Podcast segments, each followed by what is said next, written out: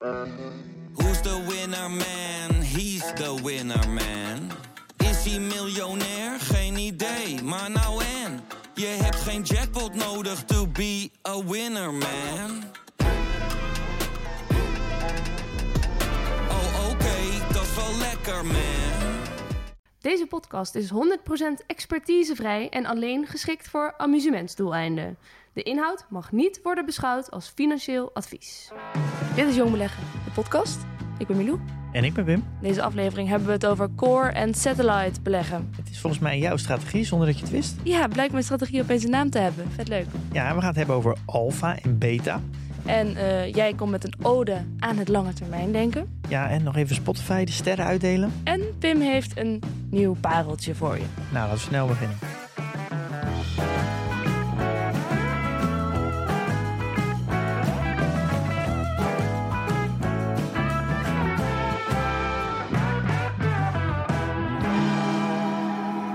Moeten we eigenlijk zeggen waar we zitten of niet? Ja, dat kan. Voor het eerst vanuit de nieuwe studio van Dag en Nacht Media. Met uitzicht over ongeveer heel Amsterdam zitten wij nu op de Baarsjesweg. Ja, prachtige, prachtige locatie. We Ja, en wij zijn de eerste die in Wij de nieuwe de eerste. studio eh, mogen hebben opnemen. speciaal voor ons in de kerstvakantie een studiootje opgericht. Ja, ja, er kwam even iemand de deur open doen. Die is nu weer weg. Dus het hele pand is van ons en het is enorm. Ja, we hebben eigenlijk nog ook wel een mededeling. We zouden dit eigenlijk doen eh, samen met een gast. Oh ja. Niet op het allerlaatste moment eh, af moeten zeggen door gezondheidsredenen. Dus wij moeten, ja, je moet het met ons doen. Ja, klopt. Maar we hebben natuurlijk wel weer iets voorbereid. We hebben last minute een, eh, een nieuw onderwerp bedacht. Ja, ja. Ehm, want we hadden het, zouden het hebben over fintech, maar dat doen we dus wel een andere keer nog, hè? We hebben gelijk een nieuwe afspraak gemaakt, dus die komt eh, volgend jaar. Dus wat gaan we wel doen? We gaan het hebben over de core satellite beleggingsstrategie. En jij stuurde mij daar gisteren een, een pdfje van, wat ik, even, wat ik even kon doorlezen. De Vanguard Guide to Core and Satellite Investing. Ja. Is het een, een term die, jou, die jij al eerder had gehoord? Of was het ook nieuw voor jou? Nee, dat was eigenlijk ook een soort van nieuw voor mij. Ik wist helemaal niet dat, dit een, dat deze strategie een, een, Een ei- strategie was. een eigen naam had. Ja. Ik zie mensen in de community heel veel deze stra- strategie voeren. Nou, jij doet het eigenlijk ook. Ja, want Ja. ik, ik zat het te lezen en toen dacht ik... hé, hey, maar dit, dit is mijn strategie. Dit is wat ik doe. Ja, ik verbaas me eigenlijk dat ik hier nog niet eerder over had gelezen. En ik merk ook dat er best wel weinig over te vinden is. Het is in, vooral in Nederland niet zo bekend. Maar ik denk dat heel veel eh, ja, mensen eigenlijk ook... Ik merk het gewoon in de community. Heel veel luisteraars, die passen deze strategie toe. Eh, en jij eigenlijk ook. Dus het lijkt me goed om, om daar eens een keer eh, in te duiken. En uit te leggen ja, hoe dat nou precies werkt en wat het idee erachter is. Ja. Dan kan je ook straks heel eh, wijs communiceren naar iedereen dat jij... eh, wat doe je met beleggen? Ik doe de Core Satellite Strategy. Maar dat is dus eigenlijk ook wel dat ik dacht van... hè, nu blijkt het beestje dan een naampje te hebben. Dat maakt het natuurlijk niet opeens professioneel. Wat ik aan het doen ben. Nee, maar ja, de, markt ma- geeft gewoon namen aan dingen. Dat maakt het makkelijker om ten eerste Ja. om onderling te communiceren. Ja.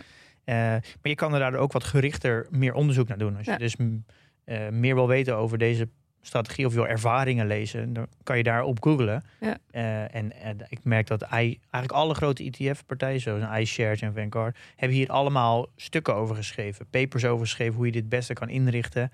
Eh, en je merkt ook heel veel interviews van grote beleggers die hier een mening over hebben. Oké. Dus doordat, je nu, doordat het een naam heeft, kan je wat gerichter zoeken naar wat andere hoe Ja. andere mensen erover denken. Ja. Oké, laten we even beginnen met die naam. Dus core satellite beleggingsstrategie. Ja, dat bestaat eigenlijk uit twee delen, core en satellite. En het idee is dat je een, een core hebt, en er zit de kern, dat, dat is een, het grootste gedeelte. Eh, en daaromheen zweven eigenlijk bewegende satellieten. Ja. Eh, en het verschil zit hem eigenlijk dat in de kern doe je eh, heel passief, passief beleggen. Dus dan doe je eh, lage kosten, Ja. goed gespreid en passief. Ja. Dus, en dat is bijvoorbeeld een eh, wereldindex, de All Vanguard, All World of de S&P.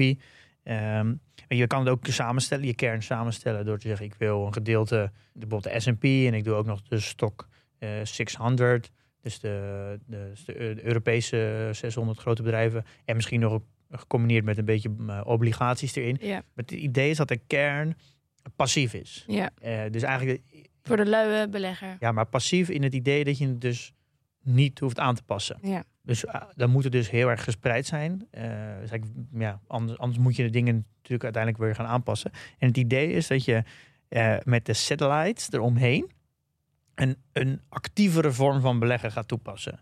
En dat kan dus bijvoorbeeld gericht zijn op dat je, dat je gaat specialiseren op bijvoorbeeld specifieke regio's, eh, landen of stijlen en sectoren. Mhm. Maar je kan er ook denken aan opkomende markten, meer risicovolle producten zoals vastgoed of grondstof of cryptovaluta.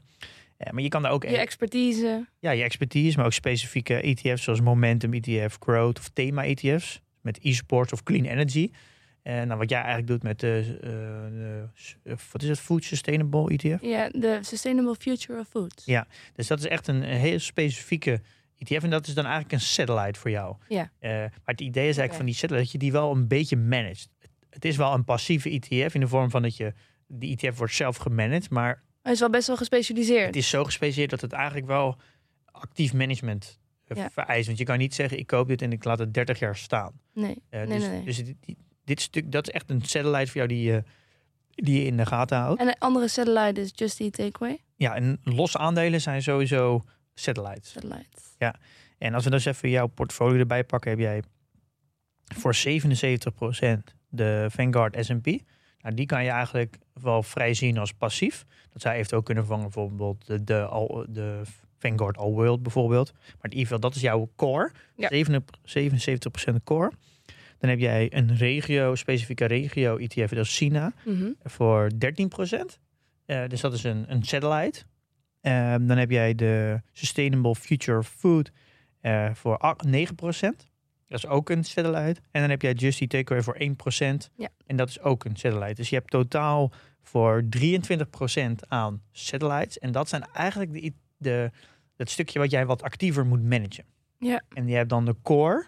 En die is nu 77% bij jou. En dat is passief. En Ja. dat moet ook echt passief blijven. En het idee is dat je daar zelf een keuze in maakt. Wat, wat, wat is inderdaad, wanneer is het nog een core? Wat is het minimale percentage dat je het nog een core kan noemen? Ja, daar zijn natuurlijk de, de, de meningen over verdeeld. Er is Wat natuurlijk niet een, een, vast, een vast percentage. Eh, uiteindelijk is dat, heeft dat te maken met jou als persoon. Eh, hoeveel tijd heb je? Hoeveel energie, ja, energie kan, wil je erin steken? Eh, en ook hoeveel kennis heb je? Ja. En hoeveel ris- je risicotolerantie? Dat is natuurlijk heel erg verschillend. Ehm, sommige mensen zeggen 50-50. En maar sommige mensen zijn het helemaal uit. Bijvoorbeeld eh, John eh, C. Bogle, dus de oprichter van Vanguard. Die zegt 95% kern, 5% satellites. En hij noemt dan eigenlijk de satellites noemt hij eh, de funny money account. Funny money. Ja, dat is op zich niet heel gek voor iemand die passieve ETS maakt. Die eh 95% adviseert. Maar eh, uiteindelijk ligt het natuurlijk een beetje aan je... Ja, oké. Dus hij, hij adviseert 95%. Hij is de bedenker van... nou, dat is, dat, zo zou hij dat doen. Zeg. Ja. Maar waarom, waarom komt eh, Vanguard eigenlijk met zo'n publicatie als over deze core satellite strategie? Nou, het is gewoon een, een, een strategie. En Vanguard en bijvoorbeeld ook iShare, iShares. eh, ja, die doen ook een heel groot stukje educatie. Ze hebben heel veel papers geschreven, heel veel... eh, ze doen ook heel veel informatie verstrekken over hoe werkt beleggen nou. Ja, maar het is geen onderwijsinstelling, toch? Nee, maar je hoeft ook geen onderwijsinstelling te zijn om mensen iets te leren. Ja, zo'n eh, Vanguard, dat is in principe heel simpel. Ze hebben een ETF en die kan je kopen en that's it. Dus ze hebben in principe heel veel tijd over om eh, educatie te geven. En hoe meer mensen leren beleggen, hoe groter hun doelgroep wordt. Mhm. Dus educatie is in lijn van, van hun business. Is dit een soort van visitekaartje om ook in ETF's te gaan? Ja, ze verdienen Ja. gewoon aan een ETF. En eh, Ja. ik denk sowieso de financiële sector probeert natuurlijk altijd een stukje educatie te doen. Ik denk dat elke broker heeft wel een soort van kenniscentrum. Elke bank heeft dat ook. Eh, dus elke financiële instelling probeert natuurlijk wel een vorm van educatie te doen. Ik denk ook, ook, ook een stukje imago bouwen en eh, content maken. En, Ja. Ja, nou ja, Dus dat is ook om, mensen aan het beleggen te houden natuurlijk. Ja, ook. Dat ze gillend wegrennen omdat ze er niks van snappen. Ja, dat is ook een stukje van. Maar ze nemen ook een verantwoordelijkheid. En eh, ja, zo'n eh, John Bogle, die is natuurlijk ook heel vaak geïnterviewd. Dus door de jaren heen, hij is volgens mij in de jaren negentig begonnen. Dus hij is volgens mij iets van 25 jaar zo vaak op tv geweest. Dat wordt natuurlijk ook heel vaak gevraagd wat hij van dingen vindt. Ja. Dus, eh, maar het ligt ook een beetje aan je risicotolerantie. En natuurlijk ook wel, ja, wat vind jij belangrijk in de wereld? En heb jij ergens een edge? Een edge? een edge. Dus kijk, het idee is natuurlijk wel een beetje, dat is natuurlijk misschien ook de kracht van deze strategie, is dat je een, een grote kern hebt. En, en de kern ik denk dat de, wat ik het beetje een beetje lees tussen de 65 en de 85 procent de kern. Mhm. Dan hou je dus automatisch 15, 35 procent over. Ja. En jij zit er eigenlijk precies tussenin. Ja. En het idee is natuurlijk een beetje dat als je, zeg even de kern, doe je 70 procent. Dat, daar denk je niet over na. Dat is, je je maakt de afspraak 70 procent kern, 30 procent satellites. En dan is het natuurlijk wel het idee dat je voor die 30 procent die je aan satellites toevoegt, dat je daar, maar eigenlijk wel, je doet dat met het idee dat je eh, een alfa kan maken op je core. Een alfa op je core. Een alfa op je core. Moet jij nu Wat is even... alfa ook alweer? Ja, ik zeg, dan moet je even vragen, wat is een alfa? Ja, ja ik dacht... Ik ben niet zo'n goede kopper vandaag. Nee, maar kijk, ik, ik, ik dacht, jij ziet genoeg aan mijn gezicht. Jij ziet wel, die snapt het niet. Oké, de- alfa moet ik even De uit. luisteraar kan dat niet zien, hè? Ehm, nee, dat is goed. Maar als het eindresultaat is dat jij begint met uitleggen, dan maakt dat natuurlijk voor de luisteraar niet uit. Ja, maar goed, Pim, vertel, wat is een alfa? Nou, om een, om een alfa, om te weten wat alfa is, moet je ook weten wat beta is. En misschien is beta, laten we eerst eens beginnen met beta.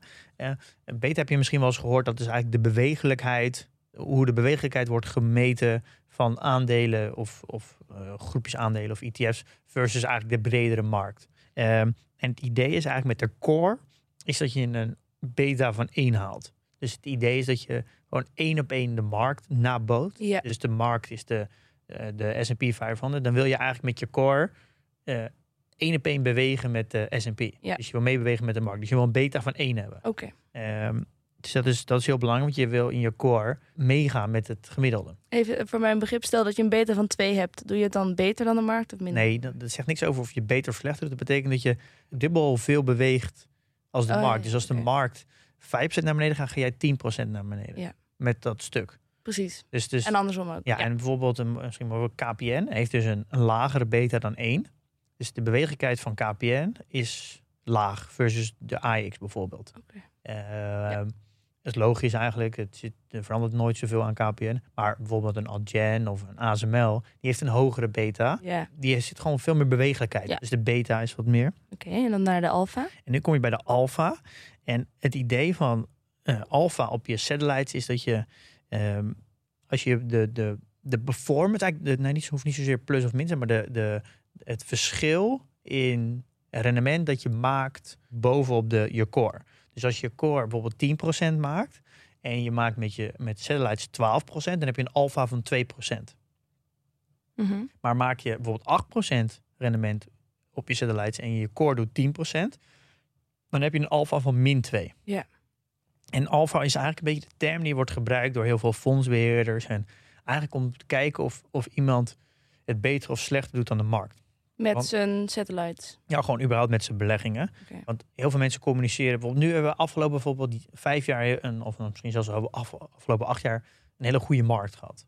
Dus 10% per jaar is het, was helemaal niet zo'n uitdaging. Zeg als de markt bijvoorbeeld eh, gemiddeld eh 14% hebt gedaan, maar jij hebt 13% gedaan, maar jij communiceert naar iedereen. Ja, ik heb eh, gemiddeld in de afgelopen zeven jaar een compound annual growth rate van 13%. Dan denkt iemand zo, dat is goed. Eh, want gemiddeld gezien over de afgelopen 200 jaar deed je het 8%. Zo, dan heb jij dus eh, heel goed gedaan. Maar Ja, omdat de markt in die periode gewoon heel erg goed was. En de markt deed 14% eh, procent compounding annual growth. Heb je eigenlijk een alfa van min 1.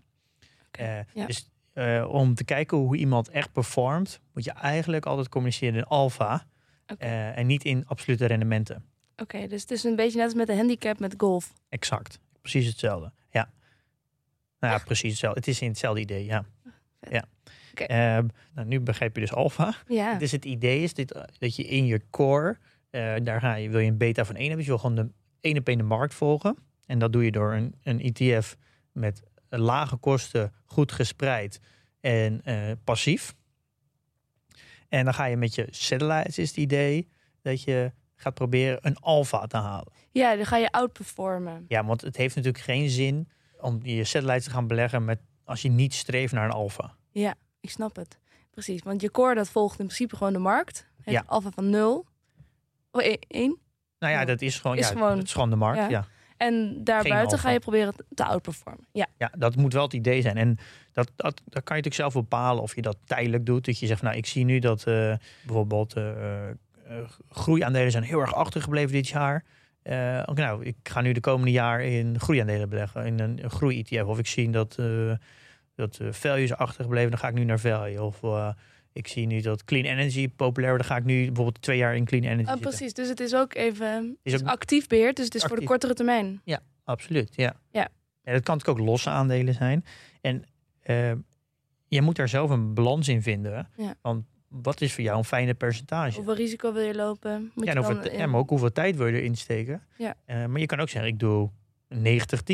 Dus ik doe 90% in mijn core. En ik doe bijvoorbeeld uh, twee ETF's van 5% in een heel specifieke... Ja. Maar dat betekent niet dat je er minder tijd aan hoeft te besteden. Die, dat, die, dat percentage van hoeveel procent aan satellites je hebt in je portfolio je moet daar nog steeds goed naar kijken, want je moet het actief beheren. Dus in principe zou je er net zoveel tijd in moeten steken. Ja, het is alleen um, of je nou 30% hebt. Je gaat natuurlijk niet 30% in één satellite steken. Nee. Daar ga je natuurlijk ook weer spreiden. Dus dan ga je bijvoorbeeld zeggen, ik wil max ja, okay. 5% in de satellite. Dus als je 30% doet, dan heb je dus 6, zou je dus 6 satellites hebben. Dat betekent, ja, 6 satellite managen is iets meer werk dan één ja. of twee.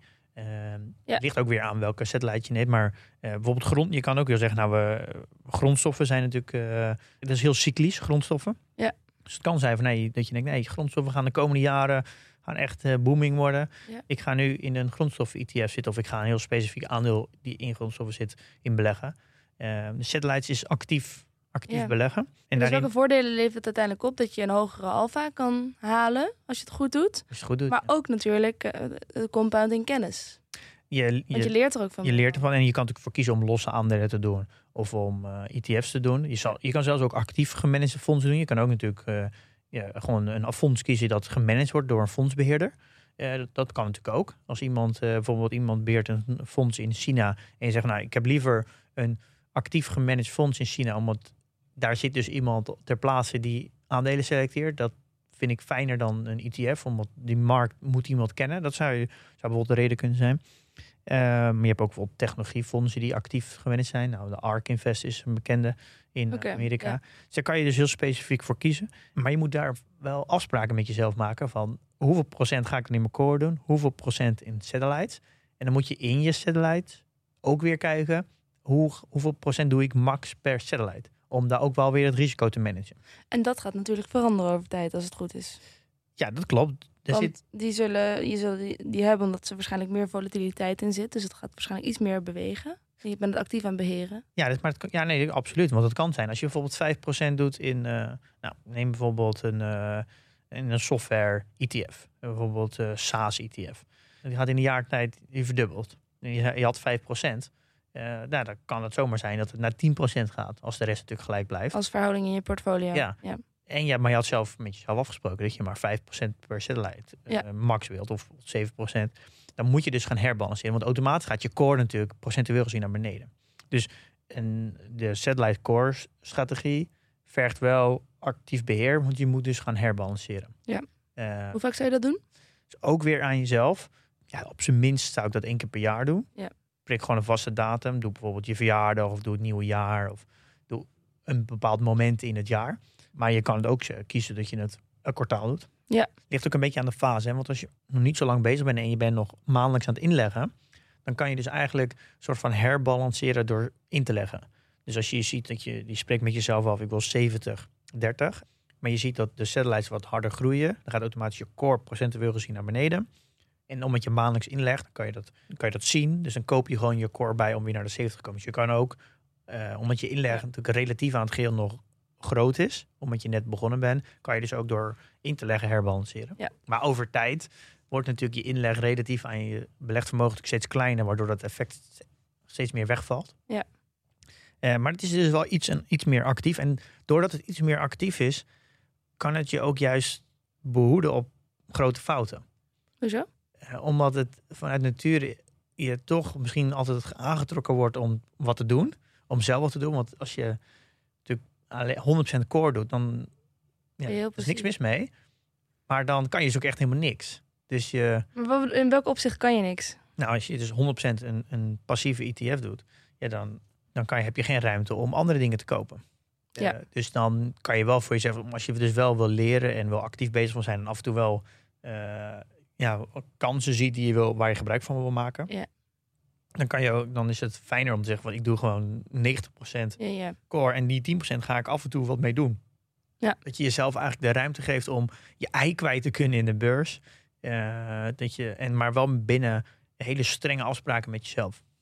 Even daarop aanhakend. Dus stel dat. ehm, ik denk wel dat steeds meer mensen in ETF's zijn gaan beleggen. eh, waarin ze eh, nou, 100% misschien wel passief belegd zijn. Stel dat, dat steeds meer mensen heel passief gaan beleggen. Dus met ETF's. Dus het gaat uiteindelijk om natuurlijk de toekomstige, toekomstige winsten die uit een, een aandeel eh, worden gehaald. Maar als iedereen passief gaat beleggen, dan heeft niemand echt nog toekomstige verwachtingen erbij. Behalve dat het op de lange termijn wel omhoog zal gaan. Dus stel dat iedereen opeens, ook steeds meer pensioenfondsen en andere grote beleggers, gaan in passieve beleggingen. Is het niet dan een beetje een probleem aan het worden? Omdat, omdat juist het draait om de verwachte toekomstige winst, wat de koers van een aandeel is. Ja, er zijn wel wat. Ik weet niet, daar heb ik nooit echt goed, helemaal goed in verdiept. Maar er zijn inderdaad wel mensen die zich hier zorgen over maken. Dit noemen ze dan ook wel veel populair de ETF-bubbel. Eh, Mhm. dus dat klopt wel. Er zijn wel mensen die zich daar zorgen over maken. Maar ik denk toch altijd, als, dan wordt de markt dus inefficiënt. Eh, Ja. En dan zullen er dus altijd wel weer mensen opstaan die gebruik gaan maken van die inefficiëntie. Eh, Ja. Dus het houdt zichzelf weer in evenwicht uiteindelijk. ja, dat is toch even simpel zeg mijn idee. Eh, maar Maar, dat- dan hebben dan mensen zou als, ik wat meer moeten inlezen over wat Ja. nou de beargumentatie is van die bubbel. Eh, mensen als ik die heel veel in ETF's beleggen, die eh, kunnen we zeggen van ja, de markt herstelt zich wel weer, maar dan word ik er wel de dupe van. hoezo? Als ik in een ETF-bubbel zit, dan heb ik daar wel last van. Als die knapt. Ja, nou, dat is natuurlijk de vraag of het echt een bubbel is. Daar zou je moeten in moeten verdiepen. Eh, Ja. ja, ik, ik weet het niet. Ik, ik kan daar niet zozeer wat over zeggen nu. Eh, Mm. Dan zou ik echt moeten inlezen over wat nou de argumentatie is. Maar ik denk dat uiteindelijk zal dan de, meer mensen gaan passief beleggen, zal de markt steeds meer inefficiënt worden. Eh, wat Ja. dus ruimte geeft voor actief beheerde fondsen. Ja. Eh, mensen die actief beleggen, hedge funds en private equity, om, om daar gebruik van te maken. Ja. En je zal denk ik dan ook zien dat als er steeds meer in ETF's gaat, dat er ook alles meer gelijk naar beneden gaat. Dat de, de, de verschillen tussen assetklassen denk ik ook steeds kleiner worden. Alles is meer aan ge- gecoloreerd aan elkaar. Dus bij hele grote paniek, eh, dan gaan er gewoon, rennen gewoon iedereen naar de uitgang. Kijk, dus als je dus als je heel veel mensen in de goed gespreide wereldindex zitten en die raken allemaal in paniek en die lopen naar de uitgang, dan worden er dus gewoon in één keer 3400 beursnoterde wereldwijd verkocht. Ja. Eh, dus de, het gaat gewoon alles naar beneden. Dus dat kan zomaar zijn dat de effecten naar beneden, denk ik, daardoor sneller zijn, dieper. Maar dat zorgt weer dus dat er veel meer kansen komen voor de mensen die actiever beleggen. Ja. Ehm, ja, dit is een beetje, ja, ik moet er, dan moet ik echt eens een keer goed. Maar we kunnen wel een keer aflevering over maken. Maar in theorie ben je het dus wel. We hebben eens dat het wel een probleem zou kunnen opleveren als mensen niet meer echt een idee hebben, niet echt daadwerkelijk een toekomstige verwachting bij een aandeel. Ehm, terwijl dat wel is wat een koers uiteindelijk. Eh Ja, nee, klopt. Ja, is. ja. Maar klopt, als iedereen het doet, dan klopt het. Maar ik denk dat om als, als heel veel mensen het doen, dan wordt het inefficiënt. Gaan dus ook andere mensen gaan het weer actiever doen. Ja. Eh, dat is dan een beetje de, de idee van marktwerking. Goed. Daar kunnen we wel een keer een aflevering over maken. Ja. Terug naar core satellite beleggen. Het is misschien wel even goed om nog even duidelijk te benoemen. Wat is nou het idee van een core? Van een core belegging. Dat is performance tegen, een la- tegen lage kosten. Eh, spreiding, eh, dat je eh, liquiditeit, transparantie, weinig tot geen eh, tijdsinvestering en flexibiliteit. Dus je moet er heel goed over kunnen slapen eh, als je daarin belegt. En dan heb je de, de satellietbeleggingen. Die hebben over het algemeen hogere kosten. Eh, dus een actieve vorm van beleggen. Eh, je moet tijd vrijmaken om onderzoek te doen en het te onderhouden. Je moet herbalanceren. En je moet heel erg uitkijken voor een hele hoge concentratie op specifieke aandelen. Dat is wel heel belangrijk. Het kan zomaar zijn dat als je, eh, dat als je bijvoorbeeld de S&P belegt, dan is natuurlijk de, de grote techjongens, die zijn natuurlijk, die vertegenwoordigen best wel een groot percentage in de S&P. Als je dan ook nog eens los een Apple koopt en ook bijvoorbeeld een software ETF koopt, dan kan het zomaar zijn dat je in, al, in drie keer Apple hebt en dat je eigenlijk onbewust een eh, exposure naar Apple hebt van bijvoorbeeld 10%, omdat die ook in de ETF's zitten. Dus het is wel de, je moet heel erg op letten op de hoge concentratie op specifieke aandelen. Dus ja, dat zijn eigenlijk een beetje de, de dingen waar je op moet letten. Ja. Ik denk dat als ik op een lange termijn zou gaan kijken, is dit voor mij ook wel een hele interessante strategie. Ik vind het voor mij ook niet een heel gek idee dat ik ooit mijn core, een core ga introduceren. En dat ik dat En nou zeg bijvoorbeeld eh 50% eh, ooit in de core gaat doen. Zou dat dan voor jou ook een ETF kunnen zijn? Ja, gewoon de, de core, de core Ja. is natuurlijk gewoon een Ja. is, is, is passief.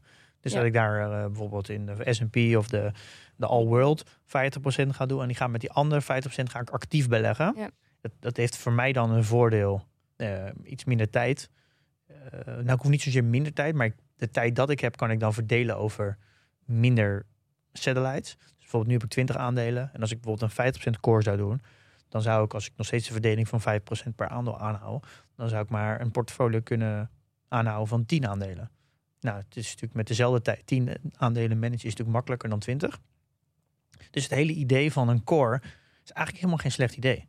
En ik denk dat voor heel veel beleggers het best wel moeilijk is om de index te verslaan. Dus om een alpha te maken met je satellites.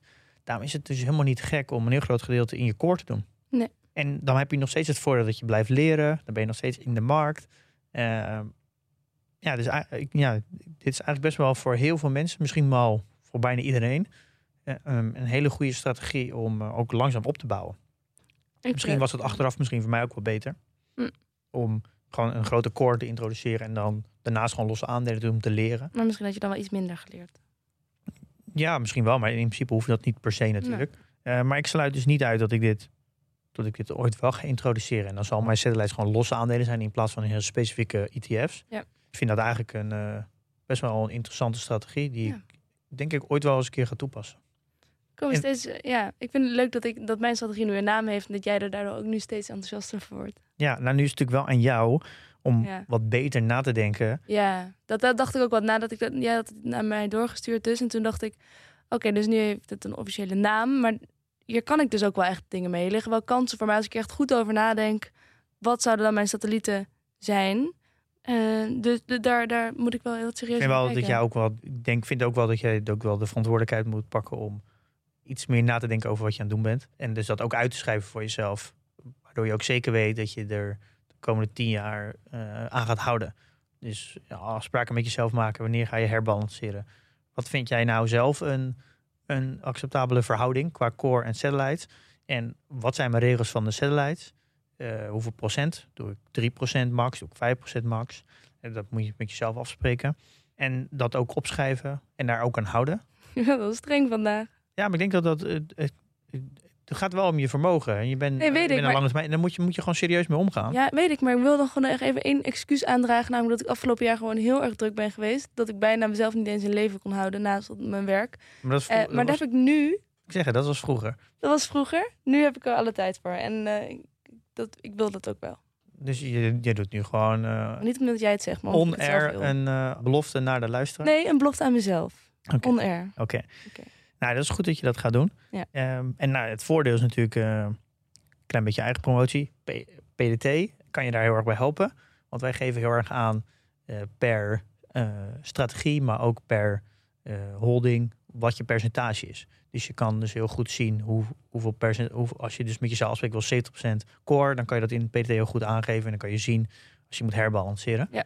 Dan hoef je niet Zelf alles, alles zelf uit te rekenen in. Excelletjes en zo. Ik moet zeggen, dat is ook wel echt handig. Ehm, nou ja, fijn. Dan ben ik heel eh, ja, benieuwd eh, wanneer jij dit eh, aan ons gaat delen, hoe dat eh, gegaan is. Ja. Ehm, ja, misschien voor jou ook wel goed om daardoor wat actiever na te denken over wat wil ik nou in mijn satellites en hoe ga ik daarmee om. Ja. Nou, in ieder geval horen jullie van me volgend jaar. Want het is alweer de laatste week van dit jaar, van 2021. Het zit er bijna op. Mooie tijd om even stil te staan. Vind je ook niet, Pim? Ja, we hebben vorige week natuurlijk al even stilgestaan, eh omdat ik dacht dat we vandaag een gast zouden hebben. Maar het is natuurlijk het, het moment van het jaar dat je even terug gaat kijken, vooruit gaat kijken, maar ook de, de balans gaat opmaken. Wat zijn mijn rendementen? Het kan zijn dat je het beter hebt gedaan dan de markt, slechter. En ik, ja, ik, ik denk dat er zijn ook een periode dat je je niet te veel moet laten afleiden, niet te veel keuzes moet maken op specifieke resultaten van dit jaar. En ik wil eigenlijk even een ode aan het lange termijn denken brengen. Oké. Ehm daar kwamen eigenlijk gelijk twee, eh, twee mensen in mij naar boven. En dat is eigenlijk Naval Ravikant. Dat is ja, een ondernemer, maar vooral een filosoof uit Silicon Valley. Denk uit in, in de technologie, in de sector is, dat, is die wel bekend.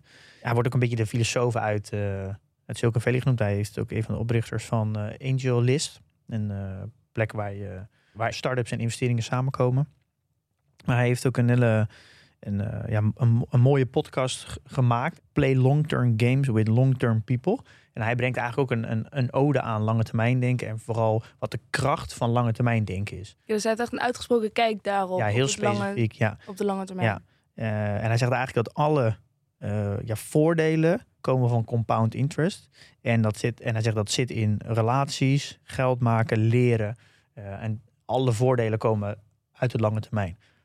Hij heeft een heel specifieke kijk op relaties. Dus hoe ga je om met vrienden en hoe ga je om met werkrelaties. Mhm. Maar hij zegt alles wat lange termijn, eh, als je, als je, wat je op lange termijn vol kan houden, het is heel, dat gaat gewoon voordelen opleveren. Dus een, een, een langdurige vriendschap levert je meer op dan eh, een, een kortstondige. ja, de kwaliteit van vriendschap is ook meer als het vaak lange vrienden zijn. Ja. Eh, ik probeer dat zelf heel erg te hanteren in de manier van werken.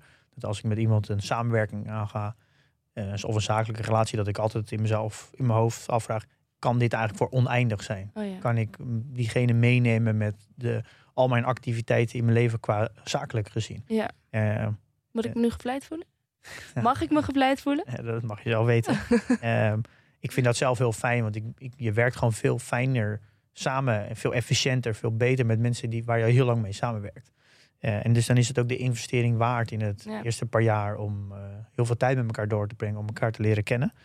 Eh, en hij heeft ook een paar hele mooie podcasts. Hij is de gast geweest bij The Knowledge Project van Shane Paris. Hij is geweest bij de, de Joe Rogan Experience van Oh ja. Joe Rogan. Hij is geweest bij de Tim Ferriss Show. Ja. Tim Ferriss. Nou ja, dat zijn natuurlijk de, ja, misschien wel de drie grote podcasts. Hij heeft een eigen boek geschreven. Eh, De Almanak of Naval Ravikant.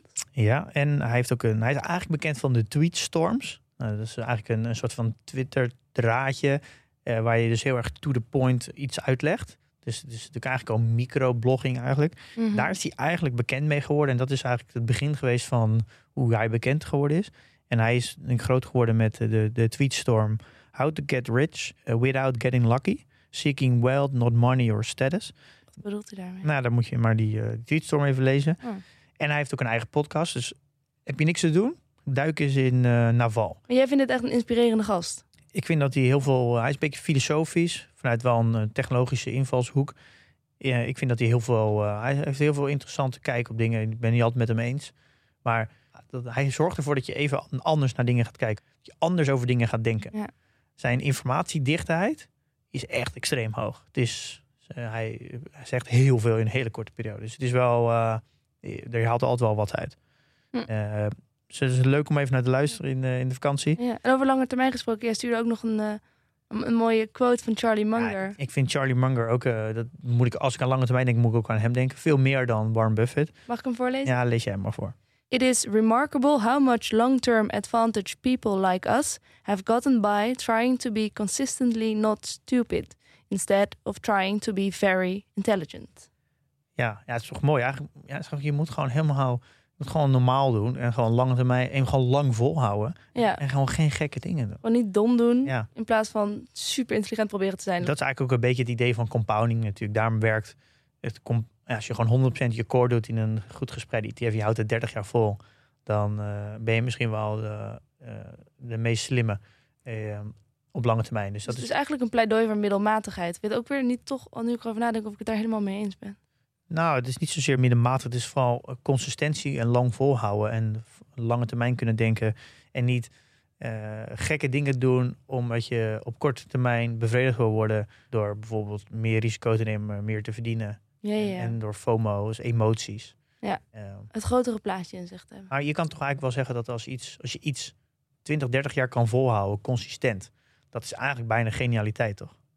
Dus, eh, ik denk dat dat ook echt een heel groot verschil is. Gewoon ijzeren discipline. Ja, ik denk dat dat ook een grote verschil is met waar ondernemers zich onderscheiden. Dus dat is natuurlijk al dat ijsbergprincipe. Dat mensen zien natuurlijk altijd alleen maar het succes in de laatste jaren. Want dan zijn ze groot en publiek bekend. Maar niemand ziet die, die 15 jaar zwoegen in Ja. de schaduw. Ja. eh, om uiteindelijk een, een, een zo'n goed fundament te hebben neergezet. Dat Ja. je die, die laatste vijf jaar eh eh, aan publiek goed kan performen.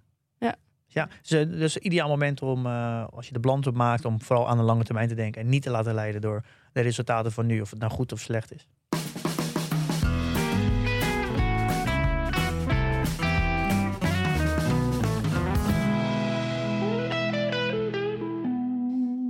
Ja, sinds kort is het dus mogelijk om ook in Spotify sterren uit te delen. Dus ook aan Jong Beleggen, de podcast. Ehm, en ja, het is misschien een kleine moeite voor jou, maar je helpt ons wel heel erg als je uh, wat sterren geeft.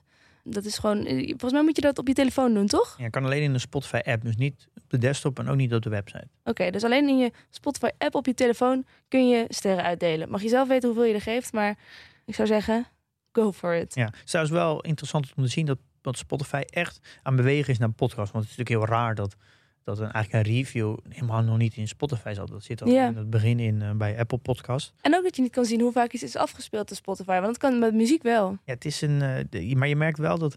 Uh, ik ben ook uitgenodigd door Spotify om in bepaalde soort programma's te komen. In de podcast dingen. En ze zijn echt heel erg fanatiek bezig met podcast aan zich naar zich toe te trekken. Ze hebben natuurlijk Joe Rogan gekocht.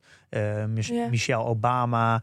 Ze hebben Gimlet gekocht, een grote Amerikaanse podcast. Uh, en die hebben de podcast Startup gemaakt, trouwens echt een aanrader. Ze hebben Anchor gekocht. Uh, ze zijn eigenlijk... Anchor ook gekocht. Anchor ook gekocht. Ja, ze zijn echt, echt heel veel aan, aan het investeren in podcast. Mm. Um, en het grappige is ook dat uh, Daniel Eck heeft ook in zijn, volgens mij in 2019, heeft, hij communiceerde daarvoor altijd in zijn earnings call. Wij zijn het platform voor muziek.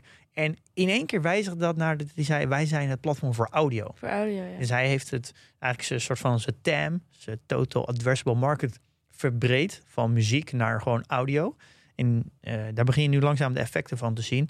Uh, dat ze steeds meer gaan inzetten op andere vormen van audio. Ze hebben nu ook een soort van vriend van de show-achtige product ingebouwd in Spotify. Oh ja? Ja, ze zijn natuurlijk nu met Anchor uh, ook de, een, een soort van advertentieplatform aan het integreren. Dat je dus, uh, dat is een beetje een soort van... Uh, YouTube.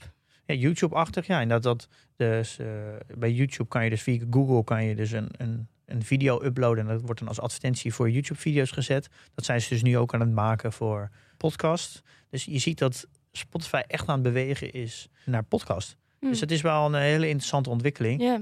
Als maker zijn ben ik er nooit zo'n voorstander van, omdat het je wil het liefst platform agnostisch zijn. Want ja, je wil gewoon, je, je bent maker van content. En je, het maakt mij niet uit via welk device en via welke app iemand dat luistert, als je maar luistert. Ja. Maar Spotify wil natuurlijk dat alles via Spotify gebeurt. Ja. Het, ja dus, uh, uh, maar het hoeft niet al, op lange termijn niet altijd slecht te zijn. Want je ziet op YouTube ook dat YouTube creators natuurlijk ook uh, heel blij zijn met het platform YouTube. Ja. Um, alleen die tussenfase is altijd heel lastig. Dus, dus ik ben heel erg benieuwd of of Spotify ook echt die slag kan maken. Dat ze, maar wij zien trouwens. Dat is natuurlijk grote concurrent met Apple Podcast. Ja, maar ik moet wel zeggen, uh, toen wij net begonnen, toen hadden wij ongeveer 60, 70 procent Apple luisteraars. En dat is nu helemaal omgekeerd. Wij oh, hebben nu de, onze luisteraars voor 70% uit Spotify. Dus je merkt wel dat uh, Spotify echt aan het winnen is. Ja. Echt aan het winnen. En sowieso heeft Apple natuurlijk de grote handicap dat alleen mensen met een iPhone ja, dat ik, kunnen ja, ik, Voor mij is dat echt een raadsel waarom Apple niet die app heeft uitgebracht op Android. Ja. En die app een beetje geüpdate. Het geeft echt een déjà vu naar Internet Explorer. Dit was een soort van marktleider. Nou, ik denk dat Apple heeft, op, heeft, was, heeft eigenlijk podcasts een soort van bedacht. Ja. Nou, 99% van de podcast ging via ging via Apple en dan misschien een klein beetje SoundCloud. Maar nu is het helemaal, ze hebben een marktpositie helemaal verloren. En dat is een beetje Internet Explorer, omdat ze maar niet wilden innoveren, maar niet eh, een, een product openstelden voor andere apparaten. Um, ja, wat is dat dan? Toch een, raar, een rare vorm van protectionisme of zo, waarmee je uiteindelijk alleen jezelf hebt? Ja, ik weet niet, ja, misschien omdat het bij Apple gewoon geen focus heeft en het soort van op nummer 150 staat aan prioriteiten. Ja. En omdat het gewoon uh, commercieel niet interessant genoeg is versus alle andere dingen waar ze wel geld mee verdienen. En Spotify is natuurlijk prioriteit nummer één, bestaansrecht uh, in audio. Uh, dus uh, die hebben podcast gewoon gezegd als prioriteit nummer één. Ehm, dus het is, ik, moet, ik volg Spotify best wel fanatiek. Ik ga ook af en toe naar die bijeenkomsten toe, digitaal dan van Spotify, als ik word uitgenodigd om meer vanuit een beleggingsperspectief van wat gaan ze allemaal doen. dus dat is wel een, een wat ik in de gaten hou. Want nu eh, verdienen ze alleen maar geld door audio. Maar ja, ze moeten een heel groot gedeelte van hun omzet moeten ze afdragen aan artiesten. Dus eigenlijk aan Sony, Universal en Warner Media. Dat zijn eigenlijk de drie grote partijen. Bijvoorbeeld Netflix, die heeft zijn eigen producties. Die, maar die houdt ook dus 100% van de winst. je moet wel die productie maken, maar dat is eenmalig maken en daarna heb je 100% winst. Ja. Maar Spotify blijft natuurlijk altijd een groot percentage van hun omzet doorspelen naar Universal, eh, Sony en Warner Media. Dus daardoor is het mo- model natuurlijk niet heel erg schaalbaar. En als ze dat eruit kunnen krijgen, dus ook een tweede inkomstenstroom uit andere vormen van audio waar de marges natuurlijk heel hoog zijn, ja, dan kan Spotify dus echt zomaar een interessante belegging zijn. Hmm. Ik hou dat heel, heel erg in de gaten. Ik ben echt, eh, echt goed in de gaten nou. En je merkt toch wel dat ja, die, die Daniel Ek is toch wel een, eh, is wel een hele leuke man. Is echt een, eh, is founder-led. Hij heeft echt zich echt gecommit om, Hij is de baas van Spotify. ja, en de oprichter ook. Ja. Komt uit Zweden. Ja. Maar hij heeft zich echt gecommit om, eh, om dit probleem in de wereld op te lossen. En dat, dat merk je aan alles. Hm, Nou, we houden het in de gaten. Dus uh, wie, wie weet eh, ga ik ooit nog eens wat meer vertellen over Spotify. Is dan ook een, dit zijn wel hele leuke bedrijven om, om te analyseren, omdat je zelf gebruiker bent. Ja. En dat merk ik ook wel steeds meer, dat eh, beleggen in producten die je zelf kan gebruiken, is, is veel leuker dan, dan een bedrijf waar je eigenlijk helemaal niet geen Ja. toegang tot hebt. Ik vind het, merk ook aan mezelf dat ik het interessanter vind als jij hierover vertelt dan over sommige andere dingen waarvan ik denk van ja. Ja, nee, ja, maar ja, 100 procent. Ja, dat, maar dat is, eh, dat, misschien is dat ook wel eh, op lange termijn. Dat Pieter Lynch, ook een hele bekende, ik vind dat een van de mooiste bekende beleggers, zijn filosofie. Hij zegt eigenlijk ook: je moet gewoon beleggen in bedrijven die, die je kent, die je begrijpt.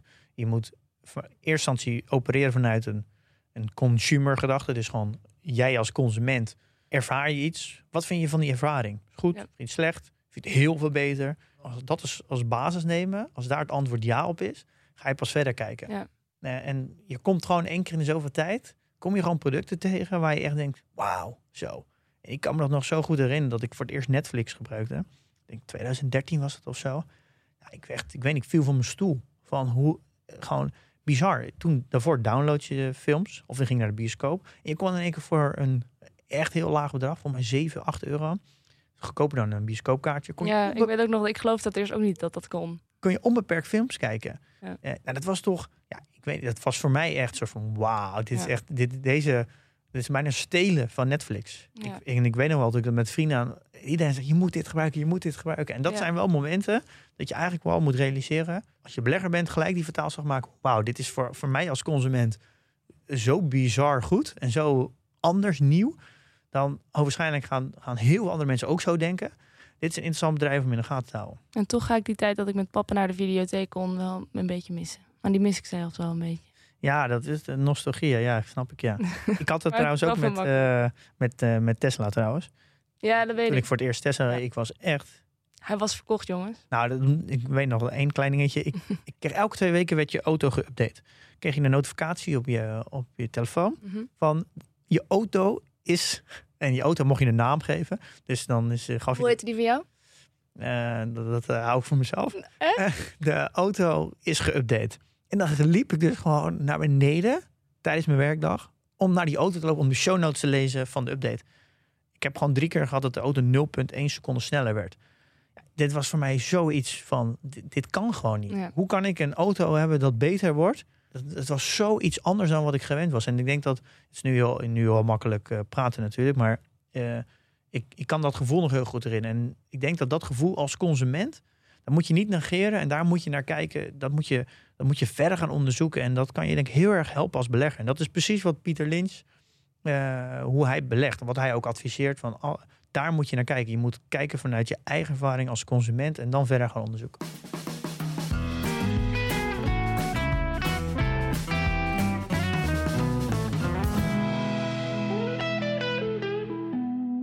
Portfolio, Pim. Wat is er allemaal gebeurd? Geen, eh, geen transacties gedaan. Mhm. Ehm, ik heb een portfoliowaarde van 281.600. Echt een stukje meer dan vorige keer. Dus je merkt ook een soort van eindejaarsrally eh, nu. Eh, echt, echt wereldwijd. Dus niet alleen de AIX en eh, de S&P, maar alles gaat eigenlijk omhoog.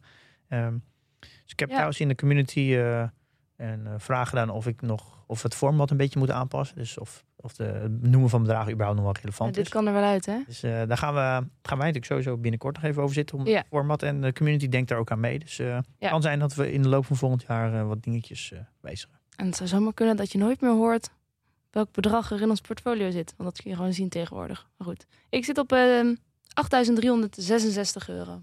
Zit je al een beetje... Ook wel een beetje eindjaarsrally. Ik Ja. heb wel eens meer gehad. Ja, heb je al meer gehad? Ja. Zit je wel dicht tegen een uh, all-time high aan, denk ik, of niet? Ehm, ja, nou, dat scheelt niet heel veel, nee. Nee. Oké. Ehm, Pim, heb je nog tips uit te delen? Ja, ik, ik ben eigenlijk heel lang naar aan het luisteren, want het, eh, het zijn ook echt heel veel afleveringen. Maar ik heb eh, eh, al een tijdje geleden de, de podcast The Land of the Giants ontdekt. Mhm. En dat is geproduceerd door Record en Fox Media, Podcast Network, dus Amerikaans. En daar gaan ze eigenlijk de, de beetje de vangbedrijven, dus de grote bedrijven, gaan ze in een vaak vijf tot zeven afleveringen gaan ze dat helemaal dooranalyseren. Oh ja. Maar dan Heb je ook over, wel eens over gehad, of niet? ja, misschien al eens eerder benoemd, wel maar ja. ze gaan het dus ook helemaal van de start tot een beetje nu gaan ze doornemen. Maar dan echt de grote punten. Eh, hoe is het bedrijf nou succesvol geworden? En wat is ook een beetje de keerzijde van het succes? Dus ze gaan ook in gesprek met oud-medewerkers en zo. Ja, ik moet zeggen, ik heb heel veel dingen geleerd van de achterkant van Apple en Google door deze podcast. Eh, bijvoorbeeld dat Apple, eh, iedereen denkt dat Apple best wel een, een goed en zo, goed bedrijf. Het is ook een goed bedrijf, maar aan de achterkant, die keten, daar zijn ze echt, eh, eigenlijk echt ja, best wel heftig. Best wel pittig hoe ze die keten helemaal uitknijpen aan de achterkant. Hoe, Wat doe je dan? nou, is, die iPhones en al die hardware moet natuurlijk geproduceerd worden. Oh. En hoe ze eigenlijk die hele keten zo hebben opgebouwd in allerlei lage lonenlanden. En hoe ze die helemaal dichtbouwen met contracten. Eh, en Oh, ja, dat er totaal geen waarde wordt gecreëerd in de omgeving zelf daar. Dat alle waarde helemaal juridisch is dichtgetimmerd. En eh, hoe ze eigenlijk iedereen afhankelijk maken van, eh, van Apple zelf. Hoeveel macht ze daarop uitoefenen. Ja, ja. Dus het geeft ook een heel andere kant van die, die grote bedrijven. Wat zich allemaal afspeelt achter de gevel. Ja, en het, is- het zit wel echt heel journalistiek heel goed in elkaar. Ze interviewen ook oud-medewerkers, die krijg je best wel veel leuke details. Dus het is eigenlijk een beetje een soort van eh, vertellen ook hoe een bedrijf opkomt. Dus de genialiteit en zo. En daarna hoe dat dan een beetje ook weer negatief wordt. Ja. Dus dat geeft dan een leuke opbouw. En ook, ze benoemen alle kantelpunten in de organisatie. Dus eh, al die grote bedrijven hebben allemaal een keer ook gekanteld. Van oh, op het randje van faillissement gestaan. En dus bijvoorbeeld bij, eh, bij Google was natuurlijk de, de Android. Dat is echt een heel belangrijk punt. Chrome ook. Dat ze natuurlijk afhankelijk waren van Internet Explorer. En dat eh, Microsoft dat ging dichtknijpen. En dus toen moesten ze dus eigenlijk een browser maken. Nou ja, zo hebben ze bepaalde kantenpunten. En Ja. ik denk wat het meest interessant is dat eh, project Maven vond ik heel interessant. Dat is een project waar ze de Google een aanbesteding had geworden naar de Amerikaanse overheid, maar dan Defensie. Waar ze AI gingen inzetten voor Defensie. En Google heeft een hele open cultuur. Ja. En dat ze dat hadden verborgen en dat niemand dat wist. En dat kwam naar buiten. En toen eigenlijk alle Googlers begonnen op te staan vanuit het AI-team. En eh, hebben druk op de management hebben uitgeoefend. Dat ze dat niet wilden, anders zouden ze weggaan. En dat uiteindelijk de management bezweken is. En het contract met de Amerikaanse overheid hebben opgezegd. Om maar die goede mensen, de AI-personeel, Ja. in huis te houden. Ja, ja. Interessante inkijkjes. Ja, daar heeft dus de Defensie ook heel, een de overheid, Amerikaanse overheid, ook heel duidelijk een standpunt genomen. En al die mensen van Google ook echt, echt gezegd van ja, jullie willen, moeten het land beschermen. en Zo. Dat is een heel ding geweest. Er staat me iets va- vaag van bij. Dus dat geeft wel heel erg ook aan de macht van het personeel bij Google. En hoe erg Google in een spagaat zit. eh het is eh, ook vaak het vak de overheden en ethiek met AI. En, en dan ook weer de macht van het personeel. Het, is, het, is een, het geeft heel veel interessante kijk op, eh, op, eh, op, de, grote op de bedrijven. giants. Ja. En we hebben, ze hebben ook eh, de Delivery Wars met DoorDash, Uber en Grubhub. Dat is ook een interessante serie. Of vond ik die van Apple en Google interessant. En die van eh, Netflix en Ja. Amazon. Ja. Die moet ik nog luisteren. Eh, dus die ga ik ook binnenkort nog luisteren. Maar het, is, ja, het is een interessante podcast. Ook leuk dat ze echt de tijd nemen. Dat ze meerdere afleveringen besteden aan het, het uitpluizen van één giant. ja, zes tot negen afleveringen. Het zit journalistiek goed in elkaar, goed geproduceerd, hoog niveau. daar Ja. houden we van. Ja, goed. eh Ze zijn een aanrader. Volgende week gaan we het hebben over samenhang, economie en de beurs. En daarvoor hebben we een gast die ik zeer hoog heb zitten. Ehm, ik vind haar een fantastische vrouw. Zij heet Helene Mees. Eh, onze eerste vrouwelijke gast. Ja, Leuk. zeker niet de laatste. Hoe heb je dat nou voor elkaar gekregen, Pim? Ja, het is wel heel leuk. Ze, ze woont eigenlijk in New York. Eh, maar door corona is ze tijdelijk in Nederland. Dus we hebben geluk. Kijk ernaar uit. Ehm, ik mag niet van jou eh, gelukkig nieuwjaar zeggen, denk ik of wel? tijd, tijdsaanduiding helemaal niet. Oké. Nou, dan zeg ik alleen: investeer in je kennis en beleg met beleid.